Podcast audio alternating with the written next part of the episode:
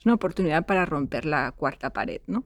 Y de hecho todo el rato os he estado amenazando de que os iba a sabotear. Entonces ahora mm, Maite me ha regalado un momento de sabotaje maravilloso, que es que ahora le voy, voy a hablar con André, que es el que estará editando esto, André Chedas, que es otro colaborador, y le voy a decir a André, André, això, és una... Això, perdón. André. Això és el rastre d'una acció. Y quien va a hablar no voy a ser yo, va a ser Enrique, porque lo tengo grabado en un vídeo. Entonces, ahora que ya hemos roto esta cuarta pared, realmente, o sea, esta situación es un, rastro, es un rastro de una acción. La acción es una acción de juntarse un grupo de personas a charlar, a escuchar. Por ejemplo, hoy Albert y yo escuchábamos a, Enrique Farres Durán en el podcast que publicamos y aunque la práctica de Enrique ha evolucionado, han pasado eh, cinco años desde que hicimos esa conversación, pero aún así hay muchas cosas, todo lo que nos está proponiendo en este dispositivo en realidad tiene que ver con muchas cosas de las que hablaba, ¿no? este, este gesto que, un gesto mínimo que de repente cambia las reglas del juego de una forma radical. ¿no? Por ejemplo, eh, cuando Enrique, me lió para esto, y yo luego lié a Albert, que se deja liar de forma o sea, demasiado fácil, y ahí también le he advertido. Eh, lo que hizo Enrique fue, o sea, maravilloso. De repente, el mismo correo que yo le envié en el 2015, con mm, los trozos que no convenían tachados en, con su gestor de email, me lo devolvía a mí, haciéndome la misma invitación que le hacía, que le hacía Enrique, con la misma persona a la que hacía la invitación, que es Maite, que está al otro lado, que está ahí en Los Ángeles. ¡Hola! Entonces, de repente, este giro es súper fascinante. Es un gesto mínimo porque lo que produce es que eh, todas esas pequeñas tecnologías, gestos, dispositivos que tú tienes que hacer para que la persona que, de la que quieres sacar el jugo esté cómoda y funcione y fluya, de repente eh, se ha girado y, tú estás ahí. Yo soy una persona que odio hablar en público, o sea, lo hago muy mal. Sé que me voy a arrepentir de todo esto, pero aún así habéis conseguido como que, lo que es lo que hacemos nosotros, intentar que esa persona se relaje, baje las defensas y vaya navegando en su discurso en, tiempo real. Entonces, eh, y mm, otras cosas que pasan, por ejemplo, eh, les pedimos a las personas que escojan el idioma en el que quieren eh, hablar y uno de mis planes es en algún momento cambiar de lengua y empezar a hablar en catalán para seguir con este sabotaje.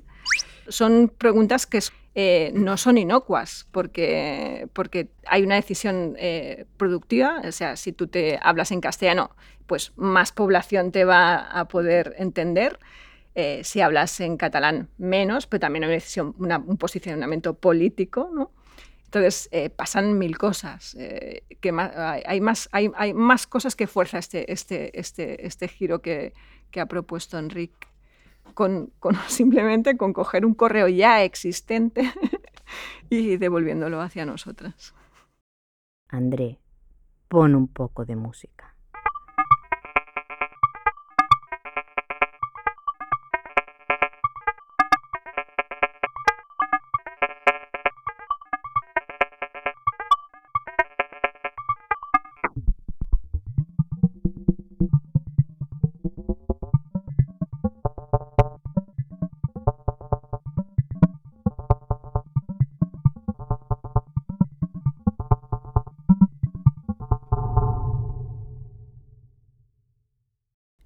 Contexto de la exposición Cosas que pasan, el artista Enrique Ferres Durán cambia las tornas y propone que sea Radio Web Macba quien hable de su práctica, con el gesto mínimo de reenviar la... Perdón, empiezo de nuevo. No, Creo que no.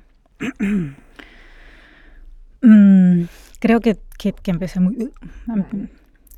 En el contexto de la exposición Cosas que pasan, el artista Enrique Farres Durán cambia las tornas y propone que sea Radio Web Macba quien hable de su práctica, con el gesto mínimo de reenviar a la responsable del proyecto el mismo correo electrónico que él recibió en 2015 como invitación para ser entrevistado, adaptado para la ocasión, Enrique se propone develar los mecanismos bajo los que opera este proyecto pseudo radiofónico y genera una oportunidad para romper la cuarta pared. Esta conversación, que no entrevista, es una pérdida de tiempo, en el mejor sentido del término. Es el rastro de una acción o de muchas acciones. Això és el rastre d'una acció.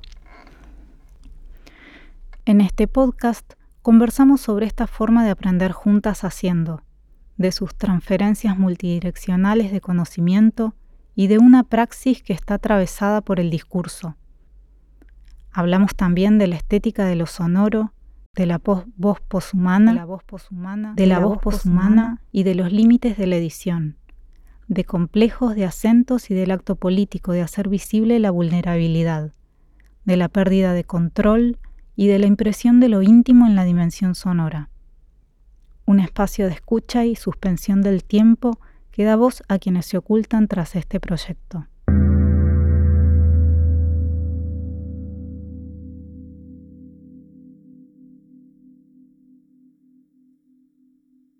Les pedimos que estén tranquilos, que pueden alargarse todo lo que quieran en su respuesta, que saben que, que luego se editará, que, que no se preocupen, que se pueden, que pueden divagar, que se pueden ir a cualquier lado, que después, bueno, lo de que no se haga ruido, les explicamos que el entrevistado, la voz del entrevistado no existirá, sino que será solo su respuesta y por lo tanto que es interesante que referencien o la pregunta o si aparece el- alguien durante la respuesta, pues que lo nombren y que, que de algún modo se pueda saber de quién se está hablando sin conocer esta voz del entrevistado.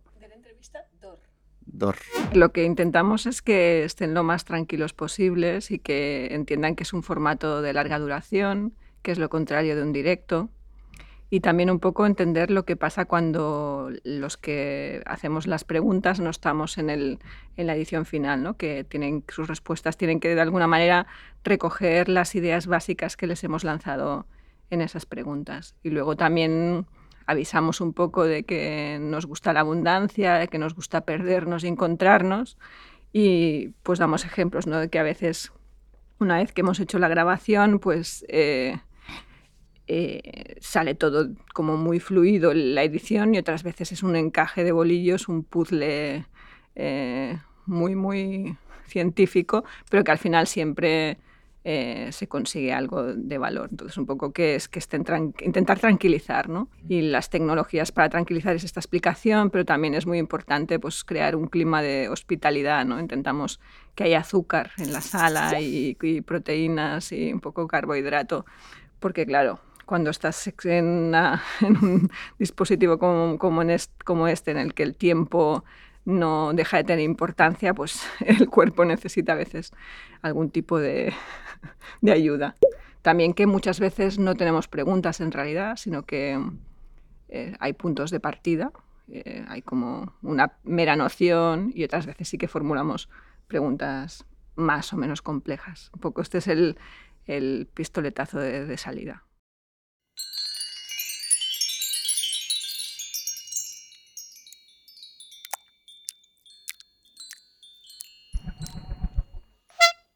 Una de las cosas que pasan en este, en este espacio que son bastante extrañas es que, eh, aunque eh, la voz que aparece al final es una, normalmente, aunque estamos intentando probar hacer con, con más voces, eh, hay, hay cuerpos, estamos con, cuerpos a, eh, a nuestro alrededor, entonces eh, tienes como cuerpos en silencio rotundo, ¿no? O cuerpos que están como compungidos porque están intentando no manchar ese audio que es el material eh, base, el material crudo que luego utilizaremos. Entonces es, una, es un modo de, de escucha bastante extraño y constreñido y, y, ¿no?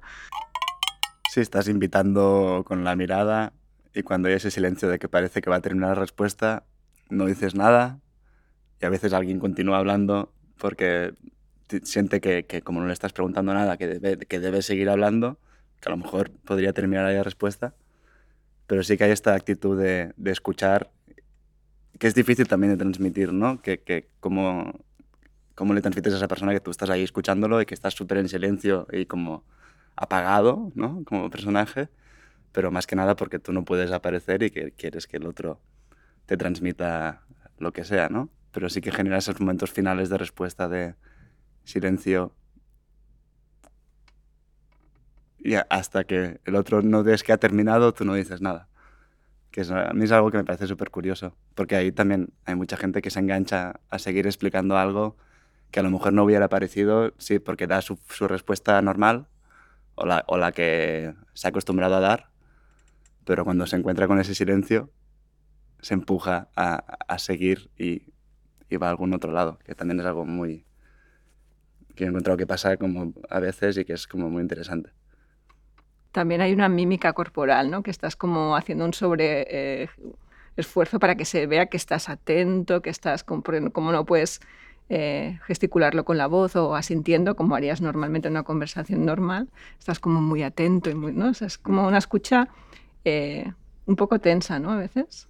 Sí, porque es una escucha que quiere invitar al otro a, a responder, a estar cómodo, pero, pero a la vez tú estás como controlando otras cosas, incluso pensando en, en, qué es lo que le vas a, a preguntar después, ¿no? Y, y, eso yo creo que se nota en, en tu cara, que, que, te estás yendo a algún sitio porque ha dicho algo y tu cabeza está yendo hacia allí, ¿no?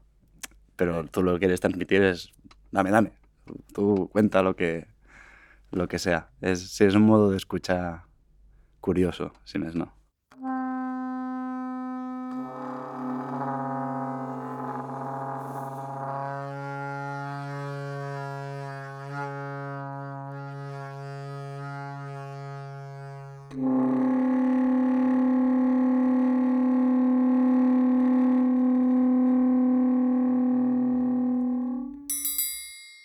Los últimos años eh, estamos intentando hacer que este espacio de suspensión del tiempo, que es la conversación o la entrevista, esté lo más, eh, de alguna manera, compartido posible.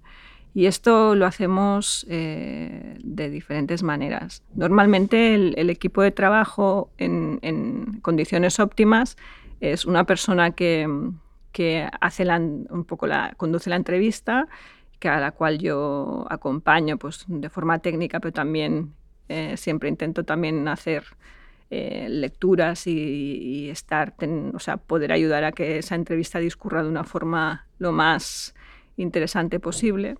Y por otro lado, normalmente también hay una persona que hace la, la producción sonora, ¿no? la, que el, el maquillaje sonoro de, del, del, podcast en sí. ¿no? Respira. Eh, a veces, eh, según el perfil con, con, quien trabajamos, pues es una persona que puede hacer la, las dos cosas eh, fácilmente y otras veces son, son equipos eh, mixtos en las cuales una persona se encarga de eh, esta en narración del discurso y la otra se, se encarga del montaje pero de un tiempo aquí incluso estamos como tensando más esto y abriendo este espacio a, otros agentes, a otras personas. Hemos invitado a veces a alumnas del PEI a que vengan a entrevistas, porque claro, de repente eh, poder estar con, cualquiera de las personas con las que hemos hablado en este espacio tan excepcional, tres horas tranquilamente escuchando, haciendo las preguntas que te puedan surgir, es un espacio de aprendizaje brutal, es, tiene una potencia extraordinaria. Entonces,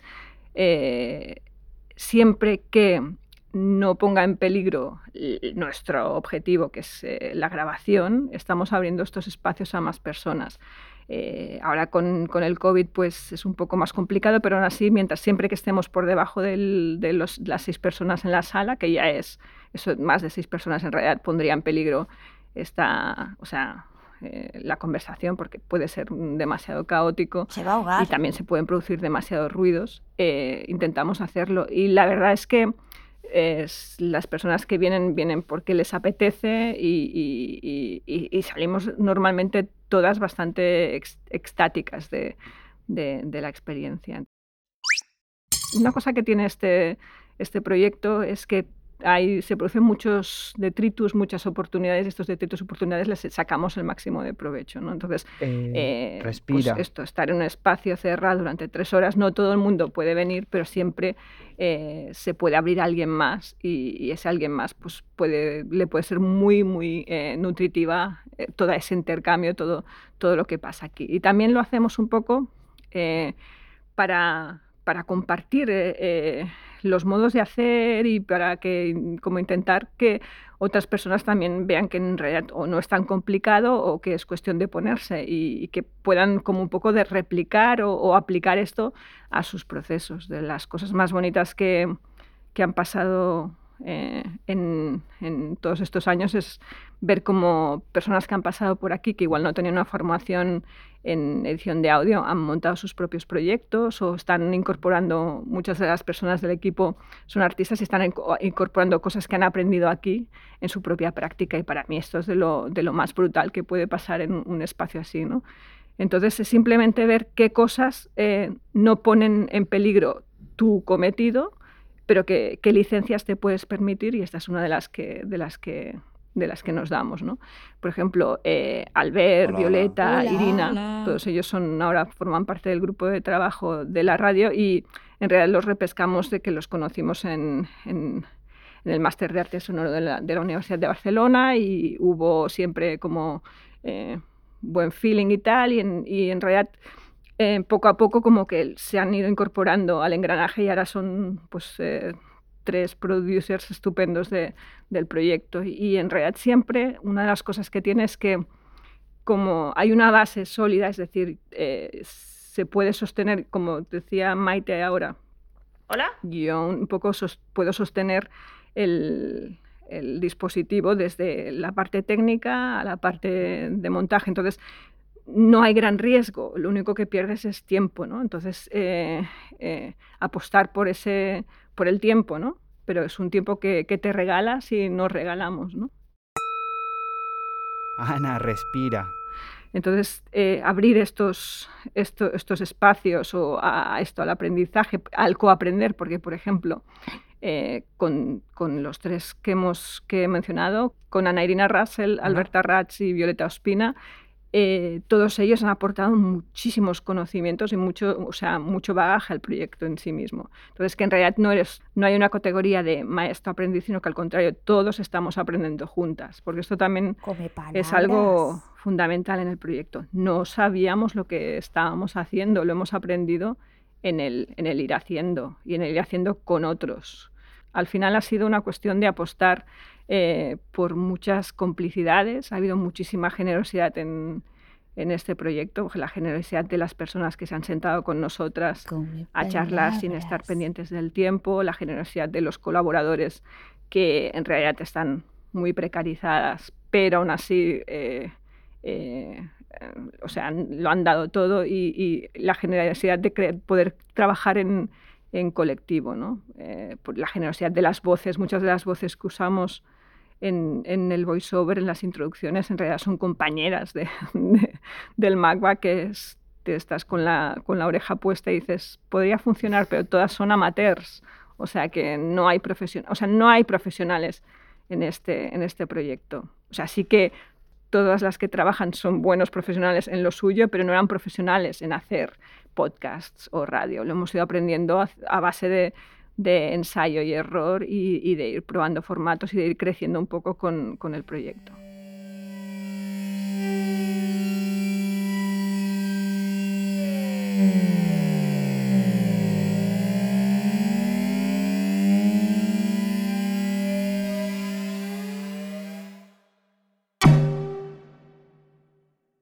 No sé, podríamos empezar por el grupo de trabajo, que es, que, es por donde yo entré en contacto con la radio. Y yo me encontré en un espacio donde se ponía en práctica un montón de cosas que, que agradecí un montón. El, modo de compartir, la manera de hacer, las sesiones de encontrarnos en la cocina de Magba y compartir una comida así de fácil, sin, sin sin ninguna pretensión más que, juntarnos, pero, pero con un modo de estar que, era, que, para mí era súper enriquecedor. es gente súper diversa, es gente que todos son geniales, uh, todos son súper particulares en, en, su manera de ser, pero todo el mundo que me he encontrado en este entorno yo creo que he aprendido de todos. Y sobre todo he aprendido de todos desde un plano súper horizontal de algún modo. O sea, nos juntábamos ahí y sencillamente estábamos compartiendo un espacio de, de comida y, y, de ahí han salido cosas paralelas como pues, lo de la biblioteca de sonidos o, o hacer antenas o cosas así, pero no estaban en la raíz de, de juntarnos. El juntarnos era un juntarse por juntarse. Y, y juntarse y compartir y contar pues en lo que estábamos o, o que alguien trajera algo que tenía pues en marcha en casa y que eso ahí de golpe se convirtiera en otra cosa y, esto está fuera de, de, los programas o sea esto no tiene nada que, que ver al final con, con, los podcasts que acaban saliendo en, en la web ¿no? pero pero a la vez, no sé, por mi parte yo considero que es como una parte bastante fundamental de, del entorno de la radio. Uh, y yo creo que en ese espacio se aplican muchas de las cosas que, que Ana y todos han ido aprendiendo alrededor de, de, las entrevistas con otra gente. El modo de hacer de, del espacio comunitario que nos, que nos ofrecéis, al, para decir, bueno, que nos ofrecemos todos, al estar ahí juntos, uh, ponen en práctica muchas de las cosas que, que van apareciendo en, en, las entrevistas. Tú vas escuchando entrevistas que hay colgadas y, y, te das cuenta de que cuando nos juntamos, en el fondo estamos poniendo en práctica algunas de esas cosas y también es bonito, ¿no? Que, que, que estos entrevistados de algún modo, pues uh, también han influido al modo de hacer de, de la radio, que no, que no, es una cosa puramente de mm, coger el material y colgarlo, sino que pues, que ha entrado de algún modo en, en las dinámicas de, de, cómo funciona el proyecto. La, la, propuesta del grupo de trabajo eh, surgió alrededor del 2016 y yo creo que eh, con nada sale como, como un bullet, sino que las cosas un poco tienen un ecosistema y un contexto que, que, que lo, lo, facilita o lo hace fértil y la verdad es que hacía poco que, bueno, hacía un tiempito que había entrado Pablo Martínez a, Hola. al área del, de programas públicos, educación y, y, y, el CET y con él pues han, llegaron todo un tipo de prácticas que, y de lecturas y de, y de un tipo de programa que, como mencionaba Albert, eh, hablaban de, de formas de intercambio de este tipo. En algún momento eh, nos dimos cuenta, en realidad fue, o sea, fue un correo electrónico que mandé como a, las colaboradoras que estaban trabajando más cerca aquí en Barcelona eh, con una propuesta que no sabía si iba a funcionar, ¿no? pero venía un poco por el hecho de que nuestra forma de trabajar era sumamente dirigida al objetivo. ¿no? Entonces, eh, había una entrevista, la agendábamos, hacíamos la entrevista, todo el mundo lo hacía todo, o sea, como, como máquinas, ¿no? Casi. No quiero decir esto, ¿no? Pero como que todos sabíamos nuestro papel y, y lo, era una operación que habíamos repetido muchas veces.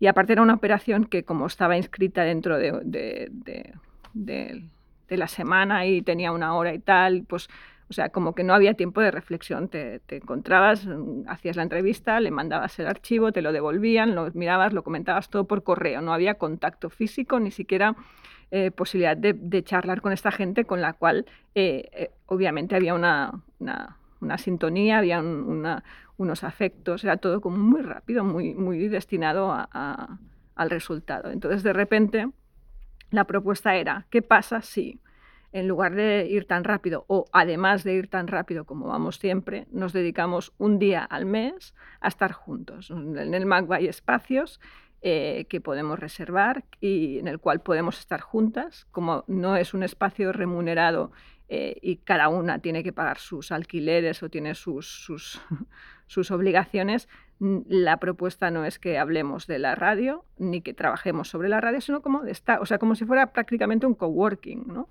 Eh, pero lo hacemos en el MAC, en lugar de estar cada una en, su despacho aislado, que estemos juntas. Y la verdad es que prácticamente todas eh, se apuntaron.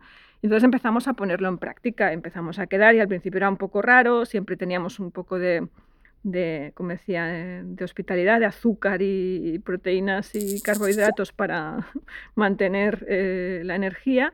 Y pasó una cosa muy interesante, que es que en las primeras sesiones hablábamos de lo que hacíamos, porque en realidad era un poco el nexo. Y como decía Albert, eh, somos un grupo muy heterogéneo, con, con, con prácticas eh, muchas relacionadas con lo artístico, no todas, pero eh, muy distintas y que pero en, igual en, las lecturas o algunos algunos intereses sí que sí que se no se, se un, o sea hay un hilo pero no necesariamente y empezábamos a hablar de lo que hacíamos entonces nos dimos cuenta de que ah, podía producirse cierta transferencia de conocimientos habían personas del grupo que tenían más facilidad para la edición y otras que habíamos aprendido de una forma amateur. De repente nos podían enseñar a hacer algunos truquis para que no eliminar el ruido de fondo o teníamos algún problema. Entonces empezamos como a crear espacios de intercambio de este tipo de cosas.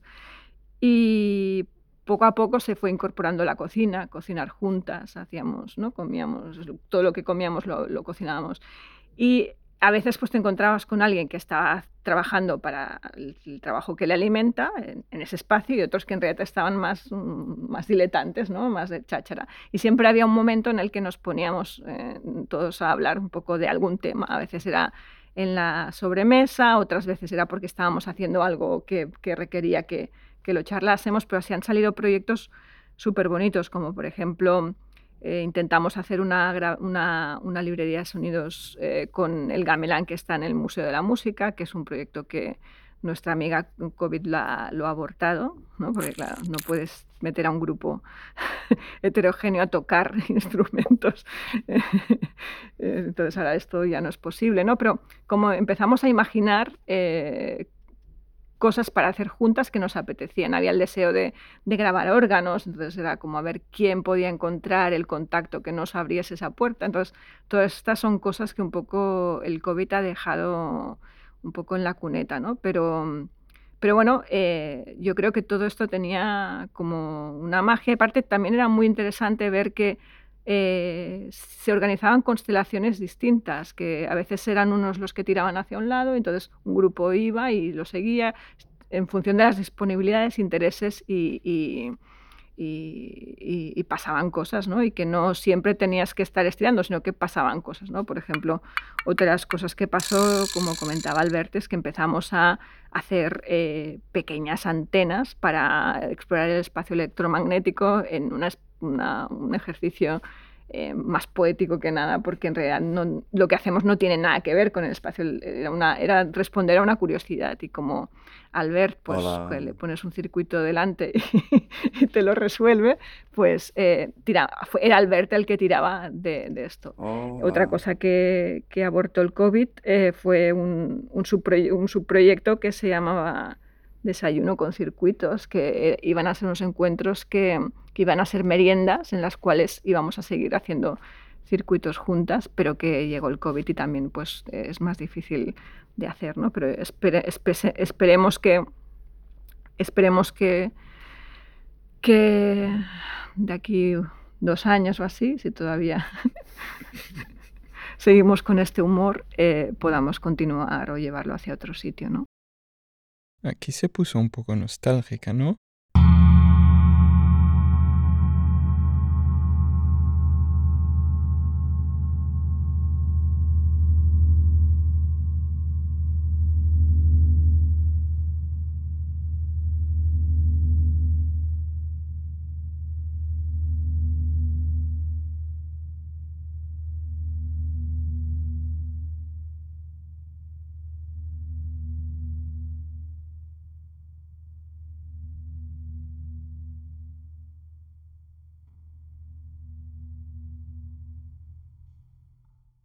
Luego está la pregunta que hacía Maite. Hola. De eh, cómo afrontamos cada una de nosotras eh, este momento de la, conversación. ¿no? Hemos hablado de que lo enunciamos como conversación, pero en realidad es una estrategia eh, para, para, quitarnos de la tradición de lo periodístico ¿no? y situarlo, pero muchas veces no hay conversación. O sea, le decimos eh, una palabra y la persona ya sale ahí. La persona sale ahí con todo su discurso. Y hay algo como, yo creo, creo que tiene que ver eh, con la forma de ser de muchas de las que estamos en, en- en este proceso, de que no hay nada hablado, pero como que nos entendemos a un nivel muy extraño, pero, o sea, cada una tiene su metodología. Maite es de las que viene con el Word con todas las preguntas hechas y miradas, o sea, como pensadas al milímetro. Loli también viene, Hola. o sea, viene con sus impresiones. Eh, Antonio Gagliano Hola. al principio también lo hacía hasta que un al- hubo un momento en que se dio cuenta que estas preguntas en realidad te sirven para tú sentirte seguro, pero que en un dispositivo de suspensión de tiempo como este, en realidad se te desmontan, porque a veces una pregunta tan cerrada lo que hace es bloquear al- al- a la persona que, con, con una opinión que tú tienes. Entonces, cada una tiene formas de, de- de hacer eh, muy diferentes. Y yo creo que es un equilibrio como de, de- de- a veces como de, de intuir quién está en como quién está fluyendo y dejar que esa persona haga el camino y, y- y entrar cuando tienes alguna curiosidad o cuando se te da espacio y, y como fluir en el momento, ¿no? de, de- de ver quién está más en sintonía, quién puede, quién, quién cómo conecta mejor con la persona que tiene delante. Y me he encontrado, pues a veces, pues recuerdo con Antonio Gagliano cuando Hola. entrevistamos a un faldúo que pese que me había leído todo, yo no estaba, no estaba, o sea, no, no, en cambio Antonio iba Ole. solo, entonces la entrevista la, susten- la sustentó toda Antonio, yo Ole. no, o sea, había algo que no me, no, entonces ahí hay otras en las que de repente los roles son distintos. Y luego hay personalidades, hay, hay personas del equipo que ocupan más espacio y hay personas del equipo que ocupan menos, pero estamos todas juntas. También tiene que ver con, con nuestras formas de ser, ¿no? Pero también estos espacios dilatados dan posibilidad también a que, a que todo el mundo que quiera contribuir o pueda contribuir, contribuya. Y lo que sí que intentamos saber mucho es que demos señales de quién se ha podido pre- preparar bien para poder dar espacio a esa persona. ¿no? La preparación es fundamental, la lectura es fundamental antes, porque una de las claves es conocer el vocabulario de la persona que tienes delante, porque es otro de los dispositivos que hace que, que esa persona se sienta cómoda. Cuando hablas su mismo lenguaje, eh, no lo vas a hacer tan bien como ella, porque esta persona se dedica a eso y tú no, pero como dar con esos puntos de partida que hagan que, eh, que, que, ¿no? que se, sienta, se sienta cómoda y, y tire.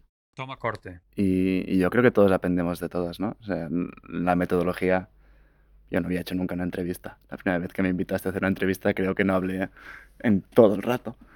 Me, me pasaste la pelota más de una vez y yo dije, uy, no, no, yo no estoy a punto, ¿eh? Ah, estoy estirando, estoy estirando, aún estoy calentando.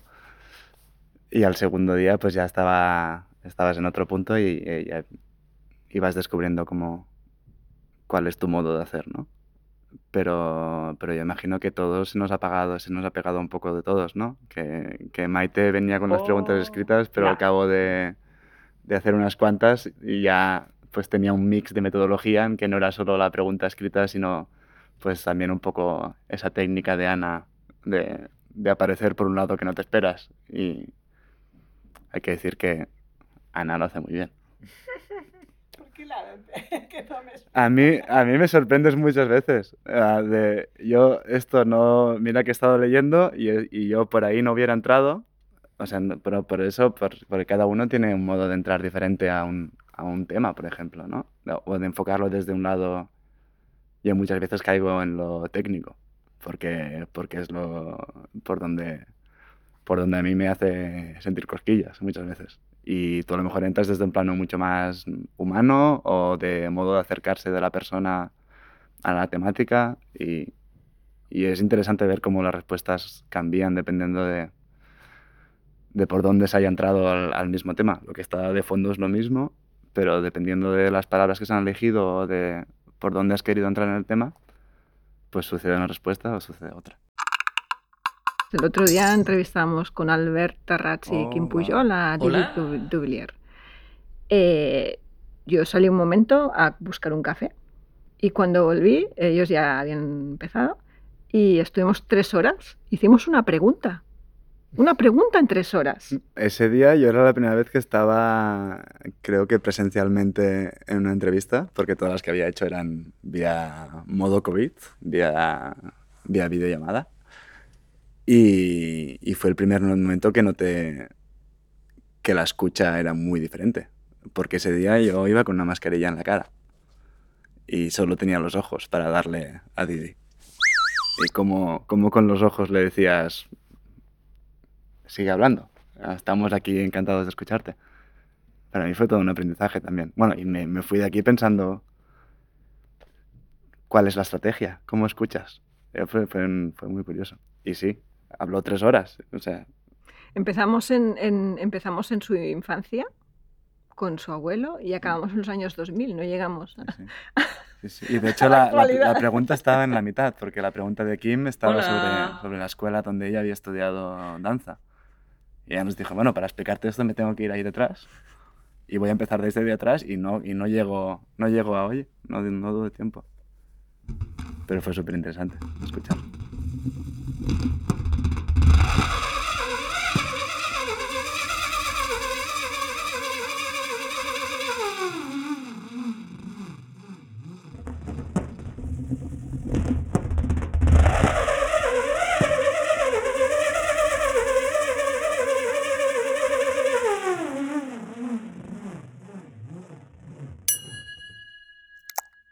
Radio Web Magua empezó en el año 2006 y empezó como un proyecto de una idea, un momento de, de intuición de Sonia López, que es una persona fabulosa y con muchas intuiciones, eh, que habían empezado a oír sonar esto del podcasting y, y- y de repente pensaron, ¿qué pasa si una institución como un museo empieza a generar contenidos de audio como una forma de dirigirse a, a- a su público distinta, ¿no? Un poco eh, empezar a habitar esto, o sea, el museo como también un espacio de, de- de generador de contenidos y de intercambio de información.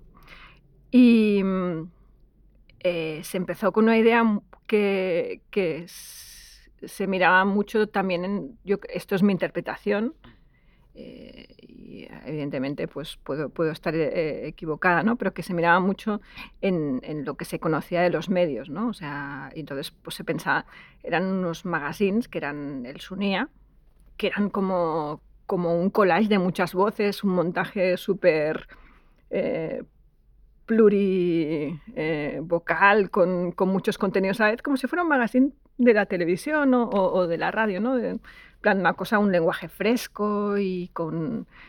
Y eran cápsulas de 8 minutos, en plan de, o de 10, y, que trataban varios temas y estaban súper ligados a, la actualidad del museo, ¿no? Quien pasaba por el museo y también la idea era, incluso el momento de, de delirio, el momento pre-crisis, era hacer dos a la semana, o sea, también teniendo en cuenta que, que no, no, no había esa experiencia, no había ese conocimiento, es, o sea, es un tremendo valor, ¿no? Ponerte a, a- a hacer esto también. Respira. En esa época Sonia también activó los, los quaderns, eh, els quaderns portàtils, que también era un dispositivo de, de- que eran textos en PDF que te podías descargar como una forma como de, de producir, intercambiar eh, contenido como, como más directa, como el museo como espacio de divulgación y de, y de intercambio de, de- discurso, ¿no? En diferentes niveles. Eh, entonces, eh, estos magazines, eh, bueno, ponían en práctica una, un- un- una- una estética, una forma de, trabajar la información como muy ágil, muy, muy inmediata, muy flash, ¿no? Entonces, pero una de las cosas que había debajo es que en realidad no sabíamos hacer esto. ¿En serio? Ni yo, ni, ni Sonia, ni entonces eh, estaba, lo que se estaba haciendo es como practicando, como, como ver cómo se podía solucionar, ¿no? Y dentro de este no saber, y aquí ya hablo por mí, en este no saber eh, hay muchos complejos, hay muchas, muchas inseguridades. Y, y entonces eh, el borrarte de, lo que al final se muestra es una forma de, escudarte, de defenderte, ¿no? O sea, nosotros no somos ni curadores ni, ni, ni programadores. De, entonces, siempre nosotros estamos aprendiendo. Estamos, o sea, estamos, somos esponjas, eh, pero no sabemos de. Entonces, el, quitarte de, ahí hace que, que, no, que, no, que no se vea que, que, que no sabes, que no, que no eres un profesional, que eres un amateur, ¿no? Eh, porque te estás mirando hacia algo que tú piensas que tiene que ser profesional. También hay, por ejemplo, el tema del inglés. ¿no? Nosotros podemos conducir eh, entrevistas en conversaciones en inglés eh, sin mayor problema, nos entienden y entendemos, pero de repente eh, escuchar pues, ciertas construcciones eh, inscritas en, en, un audio que queda un archivo, pues da como un poco de, de, de pavor. ¿no? Entonces, ese borrarte también tiene que ver como el, ese esconder, esconder esas, esos momentos que igual, como decía eh, Enrique, son de fracaso, de fallo, ¿no? En plan de, esto debería estar eh, bien hecho con una, con una dicción anglosajona eh, impoluta, pero no somos capaces de llegar a eso. Pero eh, sí que podemos construir desde eh, lo que hacemos algo que funcione, que es si tú tienes una persona em, que es anglosajona, va a hablar en inglés bien y lo podemos, lo, sabemos manejar, lo sabemos construir, lo sabemos trabajar, lo entendemos, pero no, no, no tenemos suficiente capacidad ni, ni ni desvergüenza de, estar, presentes. Con el tiempo sí que eh, un poco atravesadas por eh, lecturas, intuiciones, comentarios y, bueno, atravesadas por el hecho de que este es un proyecto que lleva ya 15 años, atravesadas por, la experiencia, algunos de estos complejos o gestos hemos empezado a a desdibujarlos o, o, o, o, a trabajarlos. A menudo explico una anécdota de que eh, había que hacer el, el voiceover, la introducción de, de, un podcast, y la persona que normalmente hacía la voz, que es Hiwai Chu, que es una oh, curadora del museo y que siempre usamos a su voz para hacer las introducciones en inglés, pues Hiwai estaba o de vacaciones o no estaba de viaje y teníamos que hacer una introducción de algo. Y entonces de repente, eh, pues la única persona que había allí para hacerlo era yo. Pero como era Riobamba, que es un artista de la diáspora latina, de repente que salga, salga alguien con un acento así un poco distinto, no pasa nada. Y entonces de repente te empiezas a dar cuenta de que, de que está bien, ¿no? También eh, forzar eh, esta, esta incomodidad o esto, esta cosa que no, no es tan, tan neutra como, como, como la presentábamos y, y, y, mostrar un poco este tipo de, de, fragilidades. Y siempre cuento la anécdota de, de a Pablo, Hola. pone la mano en el hombro y cuando Pablo te Hola. pone la mano en el hombro el cuerpo se tensa eh, porque viene con alguna idea que va a estar muy bien, pero que te, da, te va a dar trabajo. ¿no? Y no sé si fue esta o también fue una voz que nos había fallado la voz neutra y habíamos utilizado una voz con acento que dijo, jo, pasan muchas cosas cuando de repente la voz que usamos no, no es esta voz neutra, hay, hay algo muy político ahí. Y entonces tú internamente piensas, joder, ¿no? O sea, con lo fácil que es decirle a Claudia Faust que se hola, sienta hola. Eh, dos eh, plantas más abajo, estás libre, vamos a grabar, y a cambiarlo a pensar qué voz va bien o qué juego tienes que hacer, pues o sea, te, te jode la logística, ¿no? Pero realmente es algo que, que, que era necesario y que, y que, y que, eh, que estamos trabajando, no siempre lo hacemos o sea, no, lo hacemos continuamente, pero intentamos pensar eh, ese voiceover, esa introducción, cómo juega con el discurso, ¿no? Un poco salir de esa neutralidad, porque no hay nada neutro, no existe la neutralidad. Estamos acostumbrados a la neutralidad en los medios de comunicación y en realidad si estamos intentando salirnos de esta tradición de los medios de comunicación, lo más lógico es salirnos de esa neutralidad.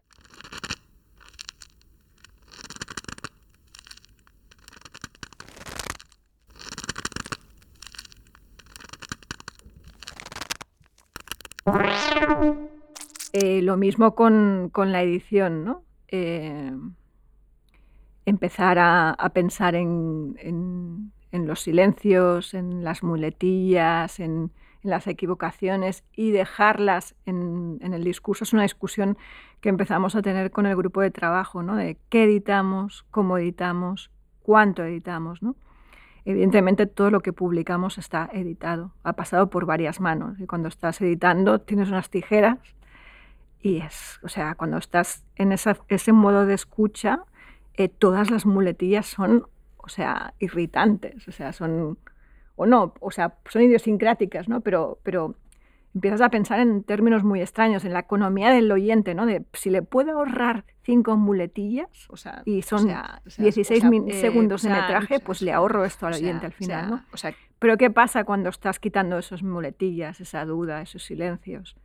Estamos creando un, un- estamos construyendo o fabricando eh, un, un, un discurso eh, posthumano, un discurso que no es como es como hablamos, no tiene que ver con esa oralidad que pretendidamente eh, damos cabida. André, sisplau, esto me lo pones del revés. Adiga, somat, eh, eh, nemadi de gru- Bekta la roa, se no que ni don somal va un boxeo, un boxeo, un deco suxinuna, mucho be,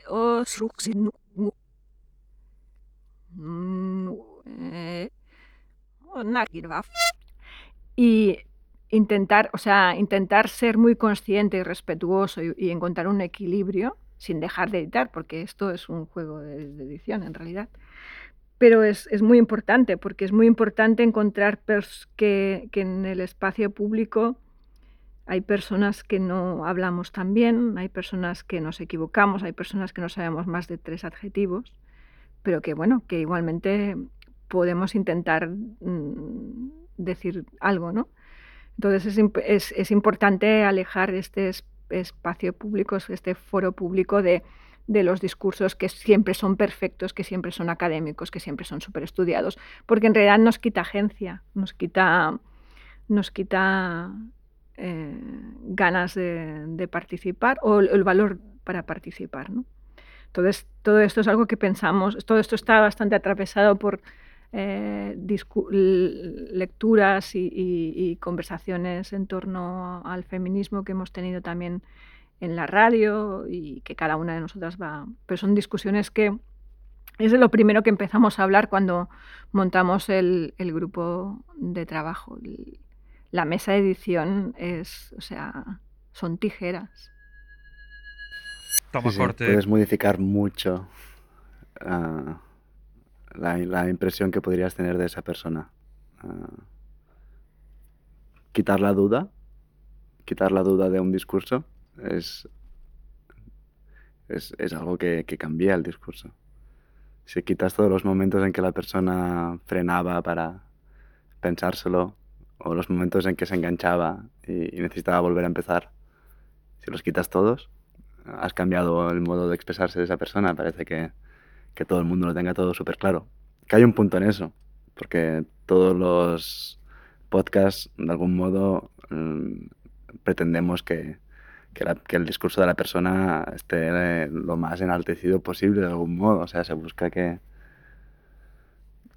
que lo que ha dicho esa persona luzca, ¿no? pero, pero mejor sin, sin sacar lo que era esa persona, ¿no? Porque si no, te, cargas un poco pues la persona que hay detrás, porque lo conviertes en, el- en la cosa académica ya cerrada. Y también el espacio este en el que mirarse, ¿no? Porque nosotros la experiencia que hemos tenido no es ese final eh, con cirugía estética, sino en realidad hemos tenido esa persona que tiene que parar porque tiene que ir al baño, que se ha perdido, que tal. Y entonces es este juego de equilibrio entre que mm, el podcast y el discurso luzca, pero también eh, de registro, de, como decía eh, Enric, eh, Això és el rastre d'una acció. A la vez a mí lo de sacar la voz del entrevistado ah, me gusta mucho cuando lo escucho con cascos, pero creo que el, el podcast es una cosa que se escucha con cascos normalmente, ¿no? Y, y la intimidad la intimidad de hacer desaparecer al entrevistador y de que la persona esté hablando, hace un discurso y no haya otra persona en ese espacio de, de audición porque, porque ha desaparecido, a mí me transmite una cierta, no sé, ah, me hace sentir como, como que me está hablando a mí, de algún modo, ¿no? Es, es extraño decirlo así, pero hay una intimidad que se genera al eliminar esa segunda persona que estaba produciendo la conversación, que es un subproducto de todas estas inseguridades y de todo este aprendizaje, pero que a mí, sinceramente, por mi lado me encanta. Ah, es escuchar a la persona sin, sin que haya el entrevistado, el entrevistador, que, que me esté hablando a mí de algún modo.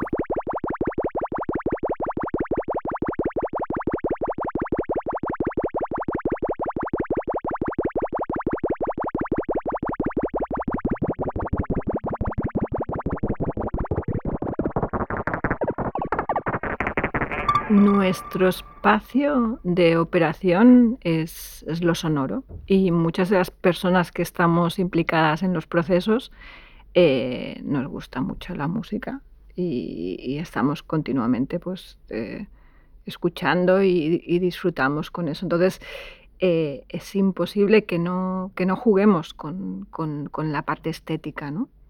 Una parte es conseguir que el discurso sea lo más limpio y lo más inteligible posible, pero luego siempre es la pregunta de, vale, ahora que ya tenemos el discurso armado, eh, ¿cómo se produce el diálogo con el sonido? Entonces hay veces en el que es imposible, porque una cosa que siempre hemos tenido bastante clara es que no queremos ser literales, es decir, si hablas de alguien que habla del 15M, intentamos no poner eh, cortes de gente manifestándose porque es demasiado literal, o sea, es como, mm, bueno, demasiado, demasiado obvio. Entonces, sí que intentamos ver eh, qué puede dia- dialogar con el discurso. Y hay veces que hemos llegado a cosas, o sea, soluciones muy, muy sofisticadas que, que- que- que me producen eh, muchísimo placer y alegría cuando, cuando llegamos a sus soluciones. Siempre la premisa es la, es la de siempre. Eh, lo único que perdemos es tiempo, que el tiempo es, o sea, es, fun- o sea, es lo que menos tenemos, ¿no? Pero entonces, que a menudo nos, nos, nos metemos en, en líos eh, considerables. En el 2008, cuando las conversaciones eh, que teníamos empezaban a- a ir en torno al tema de la crisis, que hicimos esta serie que se llamaba En Crisis, que en realidad duró como tres o cuatro episodios, eh, fuimos a, grabar a un coro de aficionados eh, cantando un- una, un- jingle que era en crisis, o sea... Pero fue como la pregunta era como, ¡guau! ¿Podemos hacer esto? Sí, lo probamos. Y si no funciona, pues no lo usamos. Entonces eh, nos metimos a grabar un coro y fue una experiencia maravillosa y lo usamos. Eh, esta es una cosa que en realidad es rozar lo caprichoso, ¿no? Porque, mm, pero, que fue que, que- que tenía una función, porque teníamos la idea de que fuera una serie, entonces, eh, bueno, era, era, era interesante cómo intentarlo. Pero eh, luego a menudo, pues es esto la pregunta de de qué se está hablando y cómo podemos dialogar, cómo podemos acompañar. Y esto ha llegado a veces a, a- a soluciones impresionantes. Por ejemplo, uno de los, de los casos más eh, disparatados y, y- y salvajes fue cuando eh, hicimos una, una conversación con Helen Pritchard, eh, que es una académica, bueno, es un perfil de estos que en realidad se, se despliega con, con muchos, en, en muchos vérti- vértices o vórtices, o, no, en vértices. Aquí se ha liado un poco. Invitamos a Kathrina Burch, una, artista sonora que también eh, tiene una formación académica, a, hacer eh, el trabajo sonoro. Y Katrina se metió tanto en el discurso de Helen que de repente eh, usaba la parte del discurso como parte de su música, entonces creó una...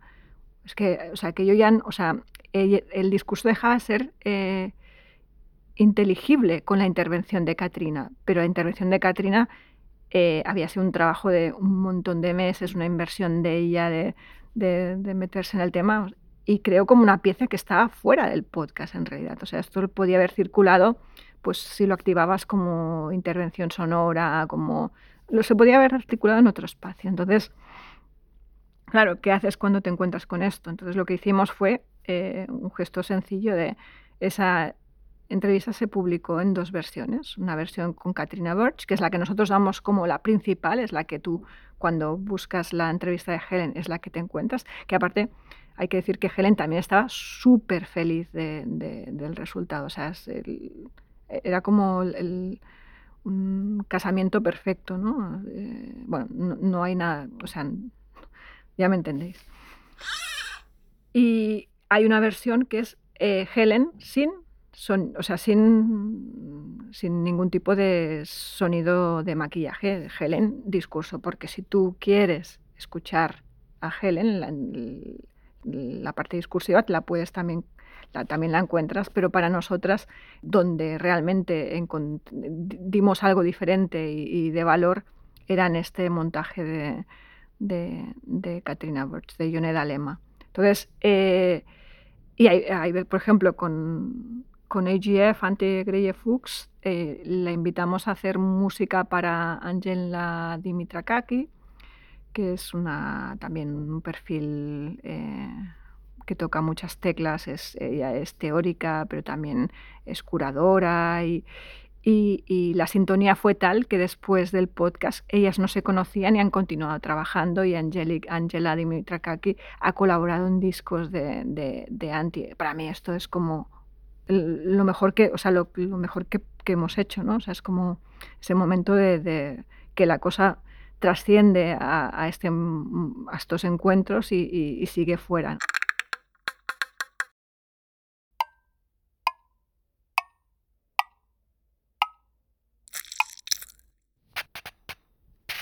Dins de la, de la ràdio eh, tenim com diferents capses i, cada capsa d'alguna manera opera segons un, unes lògiques internes que sovint en realitat són lògiques internes que ens serveixen a nosaltres per endreçar les coses i de cara a fora doncs igual no, no, no s'acaben de, de ser prou clares, tot i que en la nova web sí que expliquem una mica cada línia mm. que treballa. No?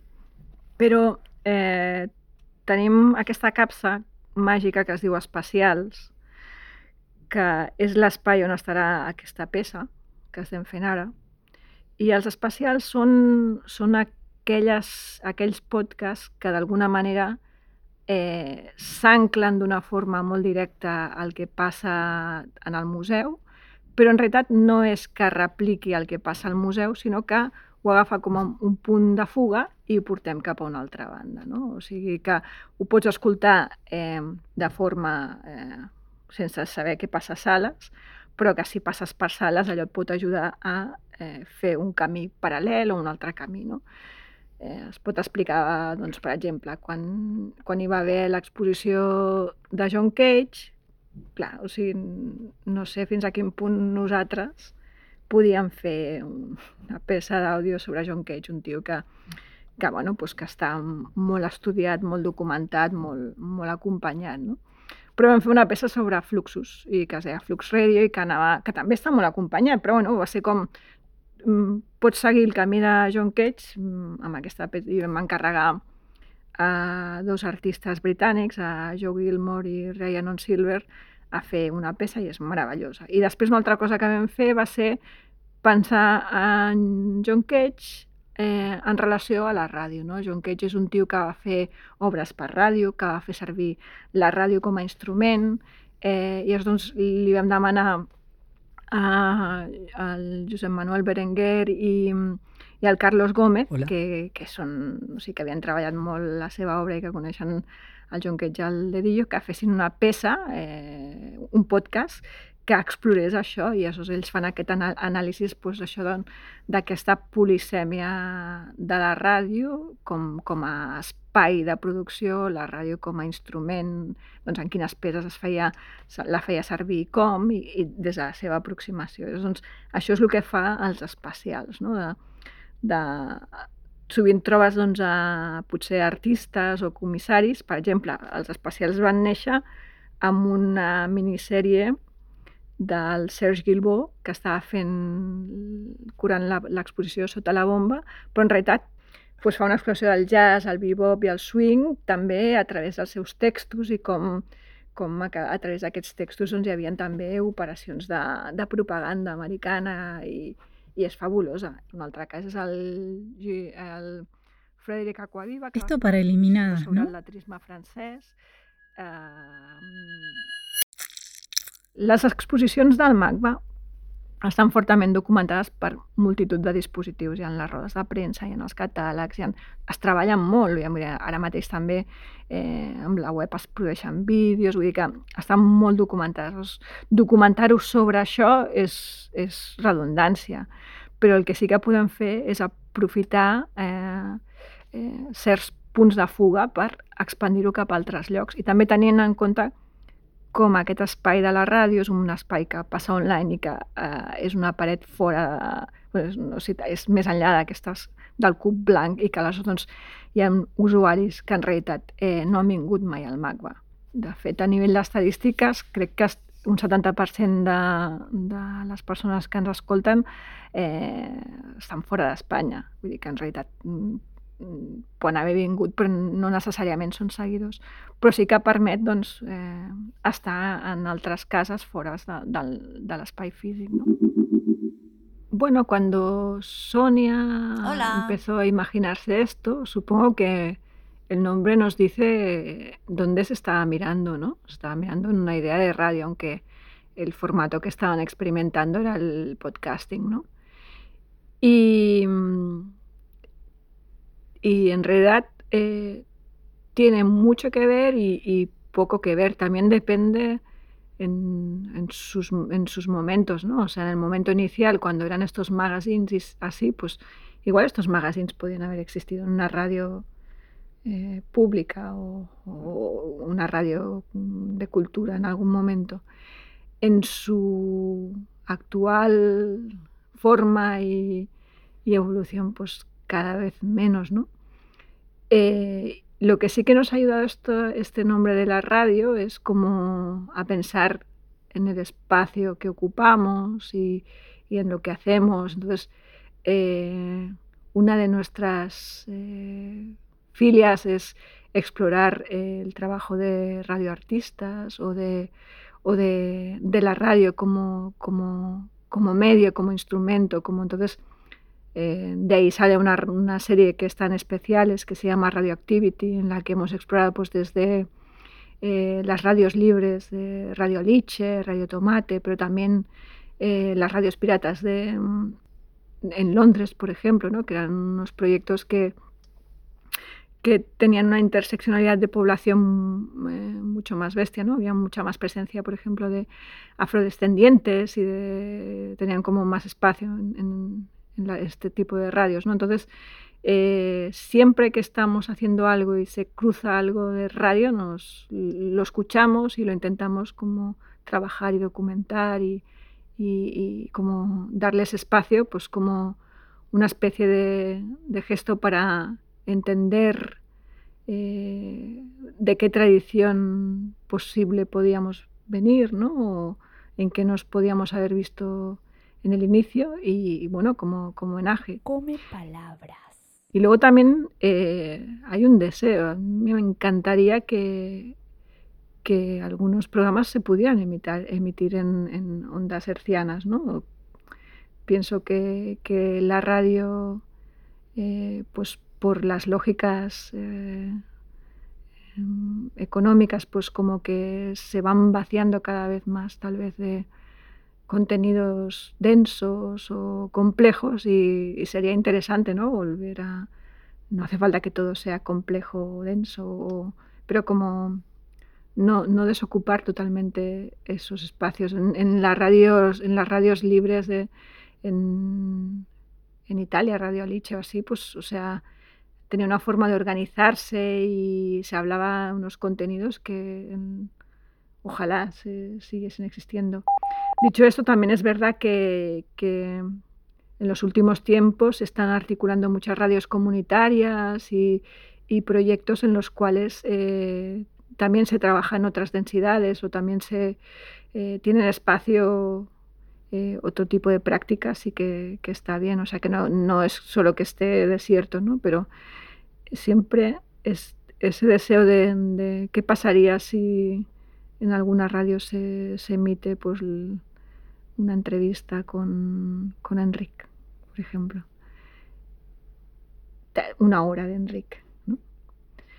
Y por otro lado, lo que sí que tiene el formato online es que nos libera de la tensión de tener que, ocupar un espacio constre constreñido de la hora o la media hora o todo este tipo de cosas. ¿no?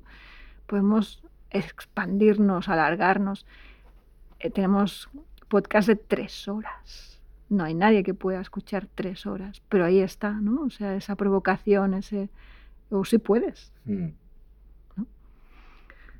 Entonces, eh, ahí está. Pero la tensión de, o sea, tensar la temporalidad, porque en este espacio, o sea, permitirnos el privilegio de tensar las temporalidades, es, es otra cosa que, que, nos, gusta, nos gusta hacer, porque si no lo hacemos nosotras, que estamos en un espacio dentro de un museo, que en el cual se pueden tensar este tipo de cosas, ¿quién Come lo puede palabras. hacer? Entonces, eh, reivindicar eh, este tipo de licencias, aunque pueda eh, ser excluyente, no todo el mundo puede cascarse esos, esas duraciones pero también tienen un valor eh, pues para personas que, que, estén muy interesadas en, en alguien, pues es, tiene valor, o luego para un valor como, como patrimonio, como documento, como algo que, que, que, queda registrado y que se puede consultar eh, con suerte en, en, el futuro, en, el futuro, por alguien que esté investigando algo, ¿no? Eh,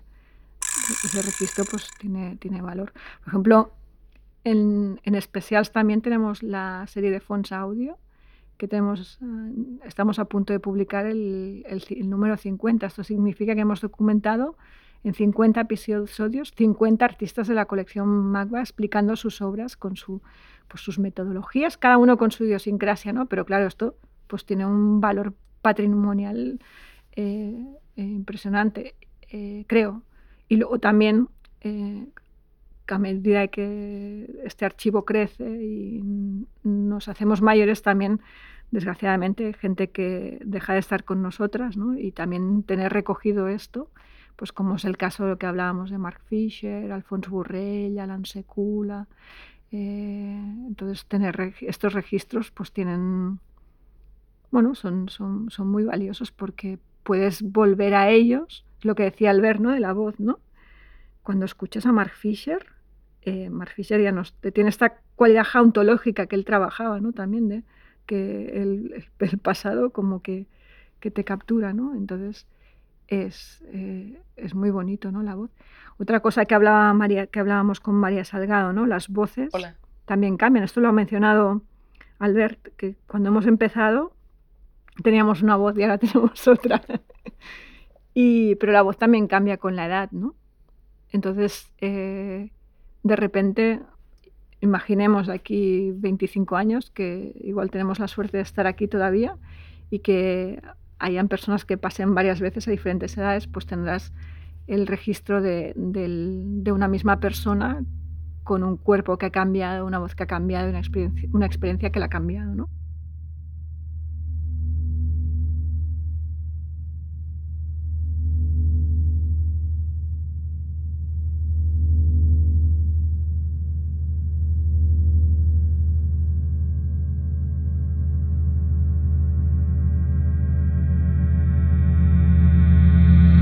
Muy modestamente pienso que, mm, que como cualquier otra, como cualquier otro dispositivo, si no tienes eh, a alguien que lo, lo, esté activando, le esté dando sentido y lo esté como acompañando, eh, en realidad no tiene tanta potencia como, como, un contenido digital, no tiene tanta potencia como, como tú dices. De hecho, estamos viendo como en pandemia todas las instituciones culturales y, y, bueno, multitud de, de espacios se están volcando en lo digital y hay como una sobreoferta de, de contenidos digitales, pero esto no quiere decir que los podamos eh, acompañar o disfrutar o, o, consumir, sino que simplemente hay muchos.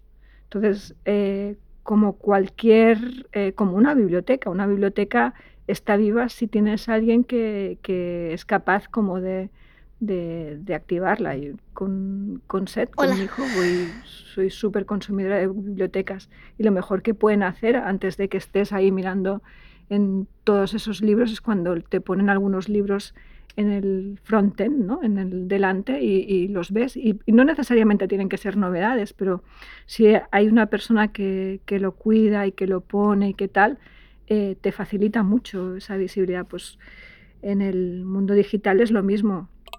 Eh, producimos contenidos que en inglés se llaman, o sea, que tienen una long tail, ¿no? Lo que decías, ¿no? Como que, que tiene una larga duración potencial, What? pero si tú no estás activando ese archivo, eh, da igual que, que, que tengas un, un, un, repositorio infinito.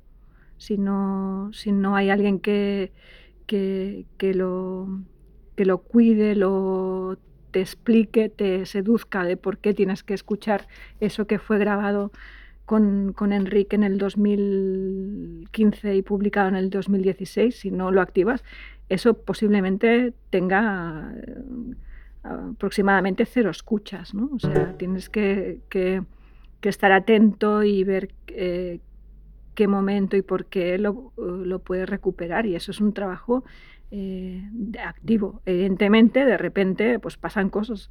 Por ejemplo, el, el, uno de los podcasts más escuchados de la radio es Mark Fisher.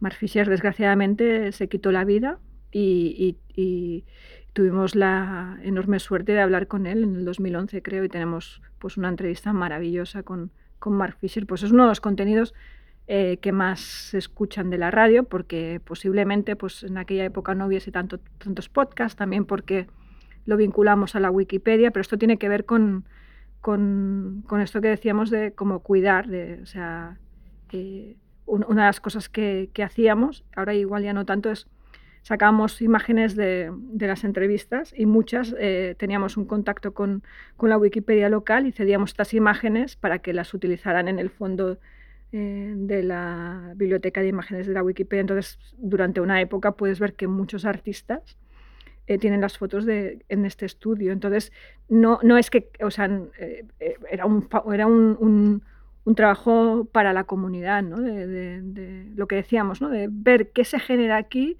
y cómo puede ser reaprovechado y usado. Entonces, eh, pues la foto creo que de Mark Fisher también es la que, no sé si está, no, creo que tal vez sí. Sí, sí, lo es. Y es como ver qué produces y qué, cómo lo puedes activar. Y esto es un trabajo eh, o sea, es como de, de trincheras, estar mm, atento y presente y conocer el archivo y trabajarlo y conectarlo y, y, y, y, cuidarlo y amasarlo. No, no pasa solo. Me gustaría ver toda esta producción de contenidos digitales que estamos haciendo, cómo, cómo funciona, ¿no?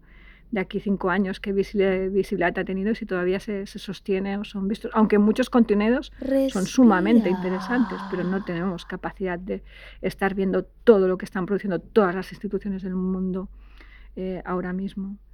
Eh, se, por ejemplo, otro contenido que, eh, que en el último año lo ha petado fue la conversación con Oyerunke Yobumi, que es una, una profesora afroamericana que, que eh, tiene trabajos muy interesantes. Ella es de origen nigeriano, si no recuerdo mal, y, y mm, tiene trabajos, estudios muy interesantes respecto a, a el, el, origen de, de, de, del género. Y lo que dice, lo que ella trabaja es que en la cultura yoruba, en su cultura yoruba, no existe el género. Entonces, eh, su trabajo para todas la, las personas que están interesadas en, en, visibilizar la liquidez de los géneros es fundamental porque es, o sea, es como por fin un ejemplo bien trabajado de, una sociedad en la cual el, el género no se articula en el lenguaje, no se articula en las relaciones. Y esto cruzado también con, con todo, toda la crisis desastrosa de los derechos civiles en Estados Unidos y el movimiento de Black Lives Matter, yo creo que explica el la razón por la cual el, la entrevista de Yorenko Oye- Oyebumi, en, o sea, mes tras mes es de los más escuchados, pero o sea que hay veces que son las circunstancias las que hacen que un contenido salga a flote y otras veces lo tienes que, que- que trabajar y acompañar y cuidar y amasar y. y, y- hacerlo circular. Luego también es muy importante conectar con, con la comunidad que se articula en torno a la persona a la que, con la que hablas, ¿no? O sea, llegar a, esa, a ese colectivo de, que ha acompañado al, al entrevistado, porque ahí es donde, a partir de ahí se activa también hacia sitios donde tú no llegas y encuentras eh, nuevos públicos que también se pueden conectar con, con, lo- con- con otros contenidos que haces tú, ¿no? Pero esta idea de la potencialidad es, sumamente utópica, no, no existe sin, sin, sin, sin trabajo.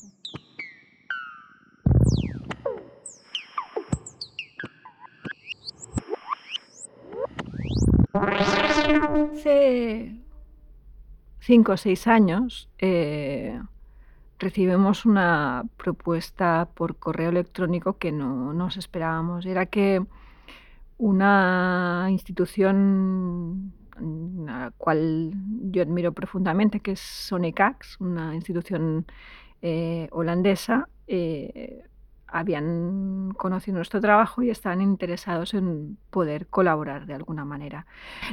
Y empezamos a, tener conversaciones y empezaron a pasar cosas. Una de las primeras cosas es que eh, nos produjeron uno de los episodios de Objecthood, una serie que hace Rock Jiménez de Cisneros Hola, en hola. torno a la objetualidad, pero que lo, que lo, lo explora desde, desde perspectivas y, y- y prácticas eh, muy heterodoxas y que aparte es uno de los proyectos más, más idiosincráticos que tenemos porque mm, eh, no funciona como, como funcionan muchos de los otros podcasts que hacemos, son un poco eh, más una serie de, de autor de alguna manera, ¿no?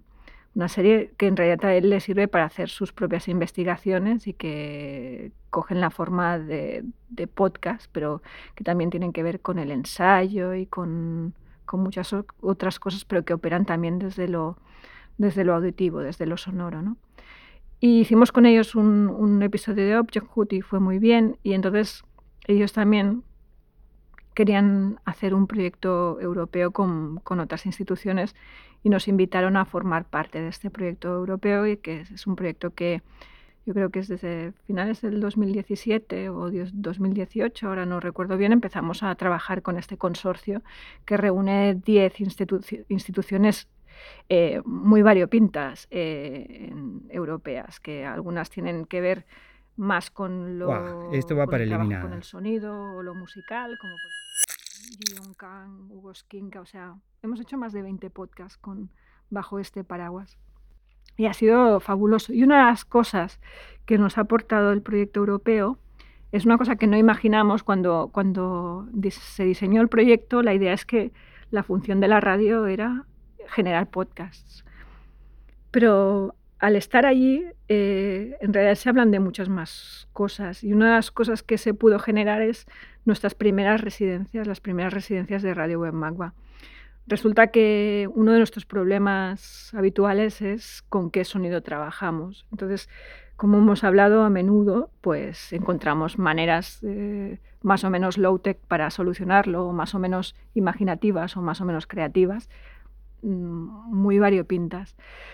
Pero a veces tienes contenidos que no puedes encontrar un diálogo, que simplemente necesitan un- una música mm, genérica, genérica no en el sentido de que sea menor, sino que no, que no tenga texto, una música que no, música, sonido, eh, algo que estéticamente interesante.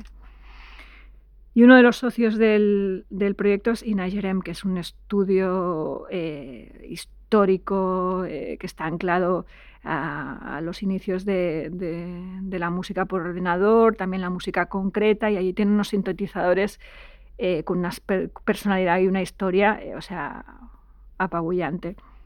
Y fue súper sencillo montar unas residencias que consistían básicamente en mandar a productores de la radio allí una semana, dos semanas, a trabajar con estos sintes, a conocerlos, unos sintes con una curva de aprendizaje muy alta, eh, y eh, generar bibliotecas de sonido que pudiésemos utilizar para, para estos podcasts eh, en los que no el diálogo es, es sonoro, es, es estético, no, no, no, no música y sonido no se hablan o no, no se relacionan, sino que simplemente están para acompañar o para interferir o para, o para separar. ¿no? Y eh, mandamos a Lucrecia Dal, a Rock Jiménez de Cisneros y Steven Sharp Hola. y a mm, Matías Rossi y a Tiago Pina en tres sesiones distintas para hacer estas librerías de sonidos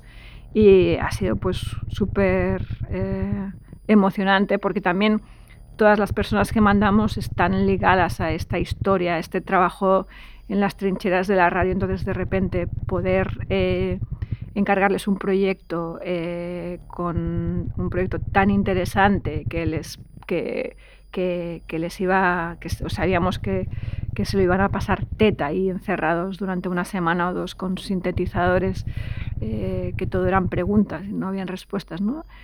Y mm, para hacer esto pues eh, era pues o sea, algo que no, no podíamos imaginar y lo que hemos te- obtenido de retorno es que es, son, es, inacaba- es inacabable, o sea, nos, nos ha facilitado muchísimo el trabajo de, de edición cuando necesitamos eh, cosas que tengan que ser solucionadas más rápidas y luego también estéticamente eh, son muy guays. Y luego también cómo lo han resuelto cada uno de ellos es muy interesante, como ante un mismo problema eh, las soluciones son distintas y responden a, a la idiosincrasia de cada uno de ellos y su forma de trabajar con el sonido.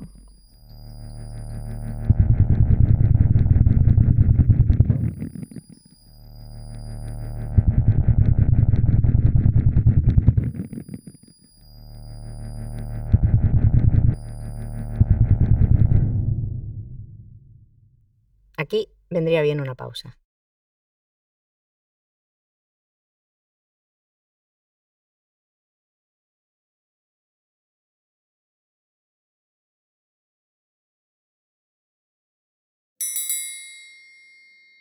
Pues hemos pasado de... De hecho, yo empecé por ahí. No había hecho ninguna presencial hasta hace muy poco. A, pues formato, pasarlo a la videollamada y buscar a personas que tuvieran los recursos para grabarse en su casa, que eso también es limitante, porque tiene que ser gente que, que tenga algún tipo de relación con el sonido, ya sea porque pues, trabajan con sonido o porque por lo que sea tienen los recursos materiales como para grabarse en condiciones en, en su propio espacio. Y, y bueno, lo curioso es que ha pasado de ser una cosa que sucedía en un espacio, en un tiempo concreto, a algo que se eh, dilata y que quedas un día con una persona y, y hay varias gentes en diferentes pantallas y estamos hablando, pero en vez de, de que suceda todo en un día, pues quedamos múltiples veces. Entonces, esa misma conversación la tenemos un día y, y al cabo de una semana volvemos a quedar con esa persona y seguimos con la conversación y si vemos que aún nos quedan ganas a todos, pues volvemos a quedar otra vez al cabo de unos días. Y es un formato diferente porque no hay contacto físico, es mucho más difícil establecer esta relación de confianza mm, que se puede generar como con Didi, que en tres horas pues había, obviamente porque Kim Hola. también la conocía y habían trabajado, trabajado juntos, pero que cuando estás compartiendo un espacio es mucho más fácil que, que, te, sea, que te sientas ligado a, a la, a la- gente que tienes a tu alrededor. Y por una pantalla, pues todo lo contrario, o sea, es una imagen que está ahí. Y hemos desarrollado un método en que vamos quedando con esa misma persona varias veces. Y, y bueno, se, se genera algo ahí, ¿no? Porque el hecho de volver a quedar, la repetición, hace como que, que ya conozcas a la otra persona, que, que haya un pequeño hábito, de algún modo, ¿no? Porque lo vuelves a hacer. Y se genera una situación de confianza que también es, es interesante, no pudiendo estar de cuerpo presente y compartiendo un espacio. Ah, que es la solución que ha aparecido, pero otra vez, como decías, es el aprendizaje ah, al momento de hacerlo. No sé si cuando empezamos a hacer la primera pensábamos ya que íbamos a, a volver a quedar con esa persona, sino fue más que vimos que, pues, que se nos pasaban las horas, que, que lo hacíamos tarde, porque ah, pues Seth tiene que ir a dormir alguna hora, pero no va a ir a dormir a las 8, entonces teníamos que quedar tarde y, y el entrevistado estaba el, el, entrevistador estaba cansado, el entrevistado estaba cansado, pero habían quedado muchas cosas en el tintero y había buen rollo. Entonces se, se propuso esta idea después de ir, de ir quedando más veces. Y, y, es el método que ha quedado por el momento, que, que, también podrá cambiar en, no sé, supongo que dependiendo de, de quién nos encontremos cada vez. Y también ha pasado una cosa que es que nos hemos empezado a enfrentar con, con, audio que igual no está tan limpio o tan, tan controlado como lo que nos gustaría, pero no tenemos más remedio que aceptarlo porque el, las circunstancias nos superan. Y entonces en esa aceptación de este audio de menor calidad y, y de también como de cómo se imprime el espacio íntimo en ese, en, en ese relato. ¿no? Por ejemplo, hablábamos con el Engan y de repente le saltó Siri a contestarle una pregunta sobre qué era el racismo institucional o algo así. Y claro, era, eso es maravilloso y eso ha quedado en el podcast. Entonces, eh, esto que a veces o no lo puedes quitar porque es una mala grabación y se queda ahí, entonces estamos saliendo con grabaciones más feas, más sucias, pero también esto que decía Albert de volverte a encontrar y de que mm, cuando nos volvemos a encontrar ha pasado por encima nuestro una semana más de COVID. y entonces, pues cada uno te puede explicar pues lo que le ha pasado, lo que no, como que entras en un espacio de una falsa intimidad, pero como pero que es como bueno, como es recursiva, pues como que te no se parece a, al afecto, ¿no? Pero como que, que tienes como, bueno, algo como una continuidad en el, en el vínculo. Y en algunos casos, pues por ejemplo con Hugo Skinka, pues la cosa pues no hemos vuelto a quedar, pero la idea es volver a quedar y volver a charlar como que, que trasciende con el engan, seguimos Hello. en conversaciones y nos manda cosas, o sea, como que se, se potencialmente se generan eh, vínculos que antes tal vez se generaban en, en lo presencial, ¿no? Pero por la repetición eh, se producen. Y lo que también se produce es que una abundancia de metraje. Alucinante, sí, sí. De metraje además mmm, con una dicción diferente cada día. Porque si, si, tu voz y la mía han cambiado desde que hemos empezado a hablar, uh, ya no te digo si son tres días diferentes. Uh, son tres voces diferentes aunque sea la misma persona. Pero otra vez lo de no esconder y de poner la cosa adelante. O sea, cuando... Porque generas la ficción de discurso y a lo mejor lo que dijo el día 3 va muy bien con lo que dije el día 1. Y tienes que generar esa ficción de que, de que lo está diciendo todo junto, ¿no? E incluso a lo mejor lo cortas y lo pones entre medio de, de otra cosa. Y en, el oído de edición tú estás como, esto, esto es horrible, porque se nota un montón se nota un montón que cambiamos de día y que la voz es diferente. Y luego piensas, bueno, quien lo escucha tampoco lo notará tanto, ¿no? Y a la vez piensas, bueno, si lo hemos hecho así, pues así es, ¿no? Si, si, si las condiciones son estas y, y, la conversación se tiene que dar en tres días distintos y, se, y sucede así, pues tampoco está mal que se note en, en la edición, en la ficción esta. Y es interesante porque pensábamos, o sea, que no, que no ens en sortiríem, perquè o sigui, era un, una forma de fer que estava molt, molt, molt encapritxada amb la presencialitat en l'estar junts i, i aquesta interrupció semblava irresoluble. Però també jo crec que en això ha ajudat bastant també la beca europea, perquè també moltes de les persones amb les quals estàvem en, en diàleg doncs, treballaven des de l'ús sonor, doncs ha sigut més fàcil fer aquest, aquesta transició cap a eh, converses que són que passen per la pantalla. No? I ara mateix doncs, tenim aquesta cosa meravellosa que som tres persones en aquesta sala i una en la pantalla. Hola. O sigui, la, la ràdio és com és per una suma de generositats extraordinària i, i és, o sigui, la generositat, generositat de l'equip que, que hi està ficat, però també de les persones que se senten aquí al davant i els hi dius... De fet, si ens diuen que només ens donen una hora, els diem moltes gràcies, però no gràcies. I clar, això és molt bèstia, perquè moltes gràcies, però no va ser suficient.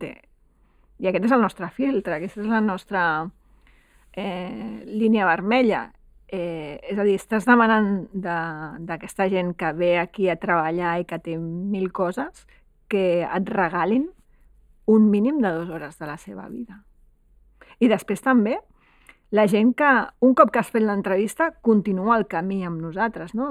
Per exemple, la Maria Salgado, vam fer la, la conversa i després, eh, mesos més tard, estàvem tancades aquí llegint trossos de la seva tesi perquè volíem fer servir trossos de text com a separacions sonores i vam estar o sigui, hores i hores sense saber què estàvem fent, però provant coses, o la Val Flores, Hola. que com que la seva pràctica té a veure amb l'escriptura, doncs la vam liar a veure com podíem fer servir també el text com a separador acústic i vam fer una sèrie de preguntes que després els alumnes del PEI van venir a gravar i de sobte es van inventar, elles soles es van inventar una cosa que, que és el que necessitava el podcast de la Val Flores. O sigui, com totes aquestes com contribucions eh, desinteressades, la Lucía Ganya, que hola, hola. li vam demanar que fes les veus d'altares i, o sigui, són tantes les persones que, que, que s'han ficat que, que se sosté per això, per totes aquestes contribucions altruistes i, i generoses i, i per això sempre eh, hem insistit en que és un projecte coral, que són o sigui, que, que les peces que el conformen el fan com és, és a dir, o sigui, ningú és imprescindible, però que és, a, o sigui, que aquesta suma és el que, el que, el que el fa com és, no? Vull dir, que el fa tan, tan singular i histriònic i, i capritxós, no?